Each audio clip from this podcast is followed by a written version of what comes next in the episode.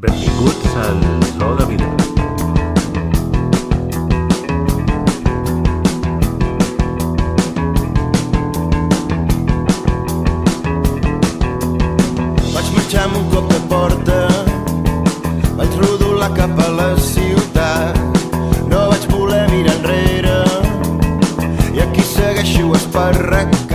Hi ha un dramaturg del nostre país que es posa en perill a cada obra, aquest és Jordi Casanovas. No deixa escapar cap dels múltiples conflictes polítics i socials que ens assetgen per oferir el seu punt de vista, sovint morlàs. Ha parlat de la corrupció, del procés independentista, de les fastigoses violacions en massa i sempre amb obres properes, on qui mana és la gent normal. Ara estrena Immunitat la Villarroel. Escoltem-lo. Tothom a prendre pel cul. Jo primer, tu també. Al final, m'és igual, m'és ben igual. Hola Jordi, com anem? Benvingut al Zoo de Vidre, el podcast de teatre del Temps de les Arts. Um, no sé, ja saps, el primer que em pregunto com estàs, com, com va la vida, si has arribat molt atrafegat a l'estrena, com sempre, si, si, tot, si tens tots els teus actors i actrius que són immunes, si no sé. Sí, doncs eh, mira, Déu-n'hi-do. déu nhi déu perquè hi ha hagut de, hi ha hagut de tot. Eh, sí que hem tingut alguna, alguna miqueta de passa, de passa d'aquests eh, durant aquests assajos, però bé, bé, hem arribat, eh, hem arribat contents, prou bé, la feina que volíem fer l'hem feta i res, més la sensació de que, som, que estan treballant com un conjunt i, i amb aquesta obra era molt, molt important que fossin doncs, un grupet molt ben, molt ben avingut, que tinguessin molta atenció i de moment està passant, molt contents amb les dues primeres funcions i, i endavant. Sí, sí. Què va passar, segons tu, amb l'esclat de la pandèmia? Uh, aquells mesos estranys de març, abril, maig, juny, potser, del, del 2020.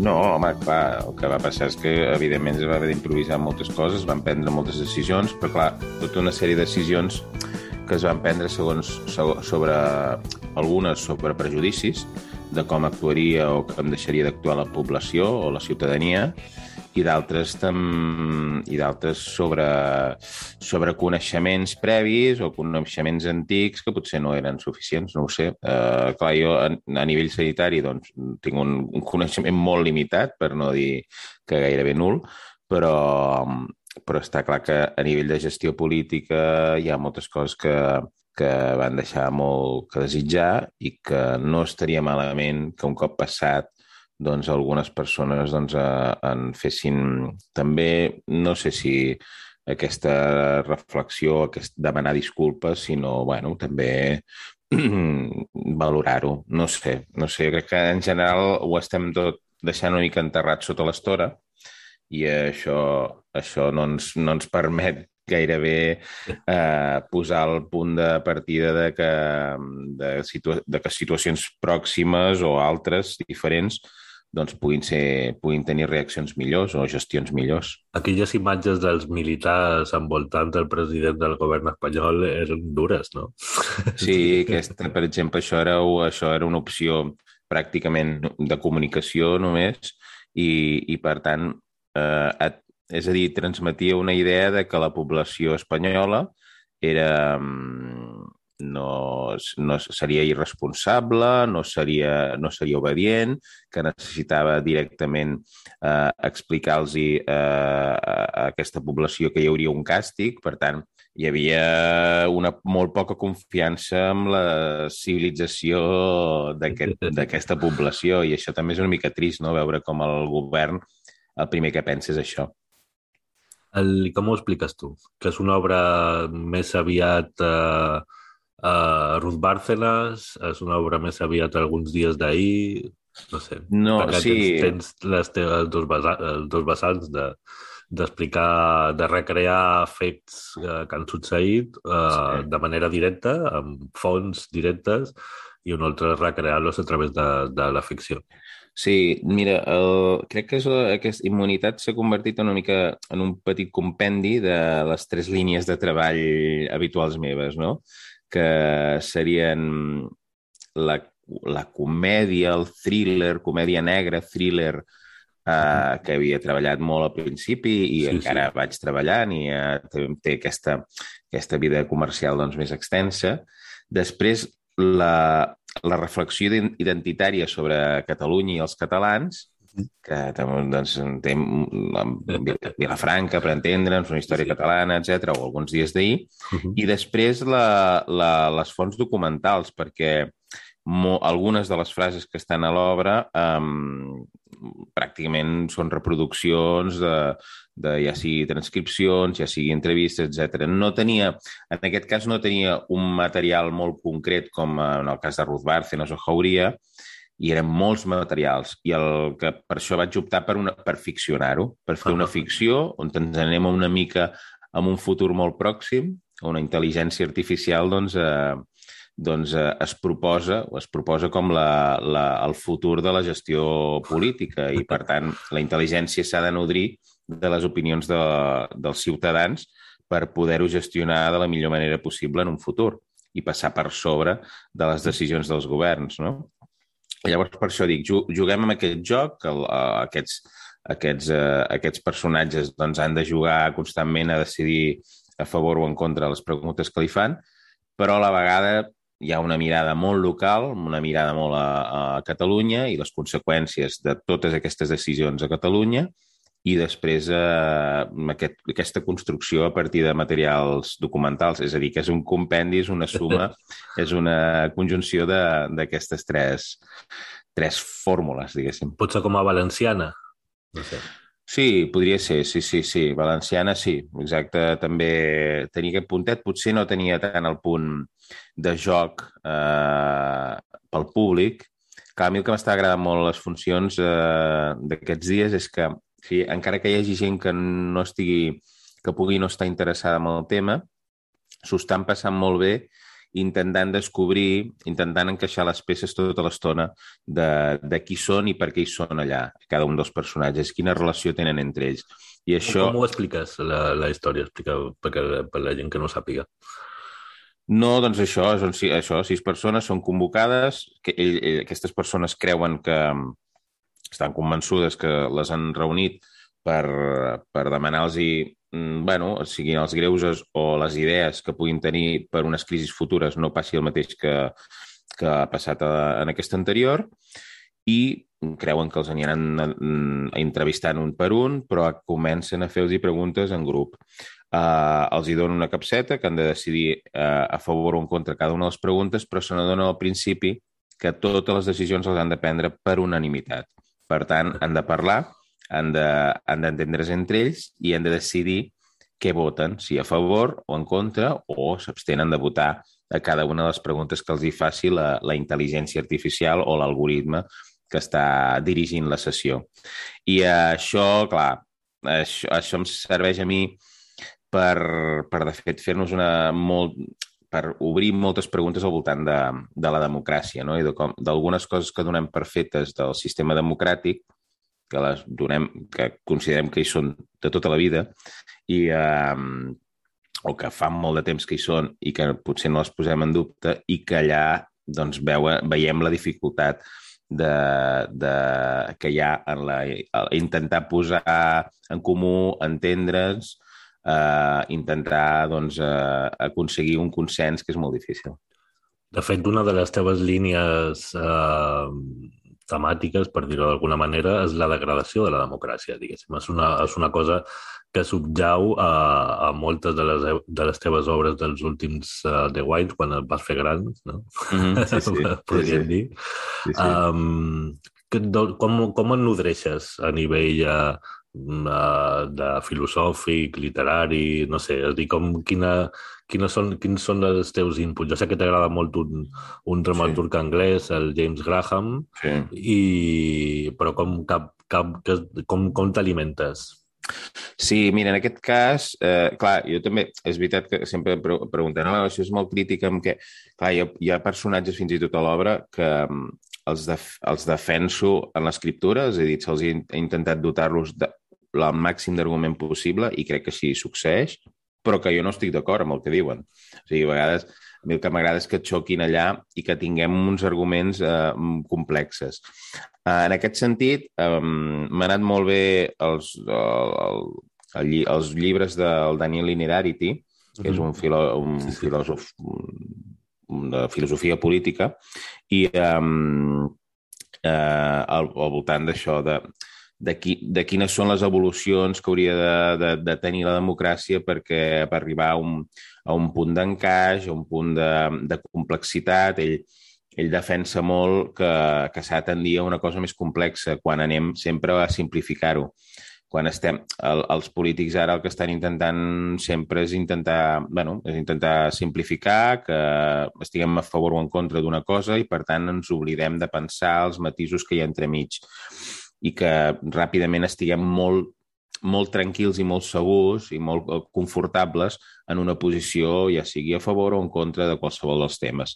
Sí, sí. I, el, I l'Inerarity doncs, a, a, aboga molt perquè, perquè hi hagi complexitat i perquè dins d'aquesta complexitat també els polítics siguin capaços d'arribar a punts en els que no un imposi una cosa, sinó que tots s'adaptin a un mínim de necessitats de tothom, que crec que seria també una proposta social bastant interessant. Com a autor, eh, ser crític, eh, perquè entenc que la teva posició com a intel·lectual o com a escriptor és l'escriptura crítica, eh, creus que t'ha tancat portes? No, jo no ho crec. No, o sigui, uh, no, jo crec que les portes en el món del teatre i especialment els teatres públics no va en una línia, en la línia de pensament, no ho crec. Va en una qüestió d'afinitats de, de famílies. De, jo crec que tot és molt més senzill, molt més bàsic, molt, molt, molt més desencoratjador, de fet, que hi ha un puntet de nepotisme i que simplement és cadascú intenta uh, ajudar els seus amics i ja està Sí. I no, perquè de fet se m'ha anat... Eh, o sigui, a cada, a cada una d'aquestes obres que he arriscat molt, que fins i tot no és aquest el cas, però amb algunes eh, he hagut de fer consultes a advocats i tenir... O sigui, estar preparat una mica pel que pogués passar, doncs el resultat ha estat, eh, ha estat molt, molt bo de, de, de públic, la resposta del públic de dir sí que necessitem tipus de, aquest tipus d'obres, i després ha donat peu a que, a que sortissin altres projectes. O sigui que en aquest sentit arriscar, cada cop m'ho vaig intentant recordar, no? I cada cop que hem arriscat, que he arriscat, doncs ha valgut la pena. Uh, Tornem-ho a fer. Sí, sí. sí. Uh, de què serveix el teatre per tu? No, el teatre, el teatre serveix per trobar, sobretot, uh, un, un comunitat, un grup, de, un grup en el que trobar-te trobar-te que allò que pens, creus que només penses tu, també ho pensa altra gent. Uh, quan nosaltres riem, esbufeguem o, o, o plorem en un teatre, uh, emocionalment ens, ens, ens ho compartim amb la resta dels espectadors que hi ha a la platea, uh, quan es diu alguna cosa en escena que per nosaltres era íntima i no l'hem verbalitzat, potser perquè tenim, perquè per un pudor, pel que sigui, per tabú, eh, i en canvi reaccionem i veiem que reacciona el que està al nostre costat i el que està també al davant, al darrere, eh, ens, sentim, ens sentim de nou en comunitat i, per tant, ens sentim, ens sentim una mica més acompanyats i no ens sentim tan sols. O sigui, precisament el teatre és... és eh, hi anem per no sentir-nos sols. Encara que hi vagis sol. Sí, encara que hi vagis sol, et sents acompanyat, sí. Home, a no ser que siguis l'únic espectador, evidentment, però si hi ha més espectadors, hi haurà unes reaccions en les que es compartirà i telepàticament, és això, emocionalment, ens sentim acompanyats i, per tant, el teatre serveix per, per sentir-nos a gust de nou dins de, dins de la comunitat i sentir, sentir que, que val la pena ser grup. Uh -huh. De fet, fa, fa uns anys vas crear amb uns, amb uns quants una productora, no?, que és House and Richmond. Uh -huh. um, per què? Bé, no, això amb el Carles Manrique doncs vam tirar endavant la, la productora per primer per, evidentment, per tirar endavant els projectes que teníem. No, igual, de fet, van, van anar naixent eh, primer van néixer els projectes i després va néixer la productora, no? Un projecte com Vilafranca, que va tenir sí, unes sí. característiques molt peculiars, va ser la llavor d'aquesta productora i que la productora, doncs, després ha sigut ha anat amb la voluntat de, d'això, de, de tirar endavant projectes teatrals amb autoria catalana que puguin tenir aquesta mirada més popular, aquesta mirada que hi hagi una mica, mm, sobretot una mirada molt actual, que estiguem analitzant el que està passant ara i que, mm, i que a més a més pugui ser un teatre que després pugui, pugui viatjar pel món, no? I així, i així està sent, perquè de fet és el que m'agradaria veure, o sigui que és produir el que, el que em ve de gust, sí, sí. I, I no et trobes a faltar tenir un teatre com vas tenir en una època? Sí, en algun moment sí. Després eh, un és conscient de que és una dedicació de tantes hores que, que, que també fa, fa una mica de, de por a vegades. Però sí, hi ha un puntet, un puntet més de llibertat, així com el tenir la pròpia productora te'n dona molta, eh, tenir un espai sí que, sí que també en dona força. I sí, a vegades ho trobo a faltar i, i per què no? Per què no d'aquí uns anys potser plantejar-s'ho? Uh, no és una cosa que, que sigui per ara, diguéssim. No, no, ara no. Més, a, a, a nivell de tema de conciliació familiar i tot això va fatal. I uh, jo sempre estic dient, mira, quan, quan tingui el nano ja que se'n vagi de festa a les nits, llavors sí que, sí que llavors em podria dedicar a estar totes les nits en un teatre i potser llavors ens ho podem plantejar.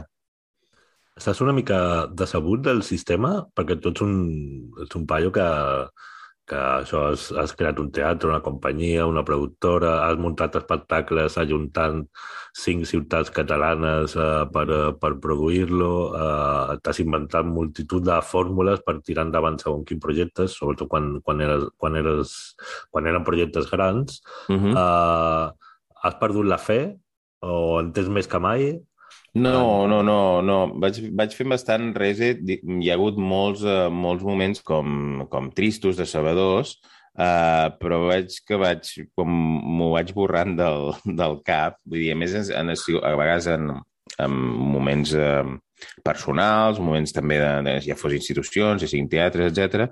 Però, bueno, jo crec que és una mica... Tu has d'anar borrant i tornant a començar, perquè, no, perquè ve, ve, ve perquè ve de gust tenir la il·lusió. És que no tenir-ne és molt trist. I llavors és, pre és preferible tenir la il·lusió una mica ingènua i seguir, seguir iniciant projectes d'aquesta mena.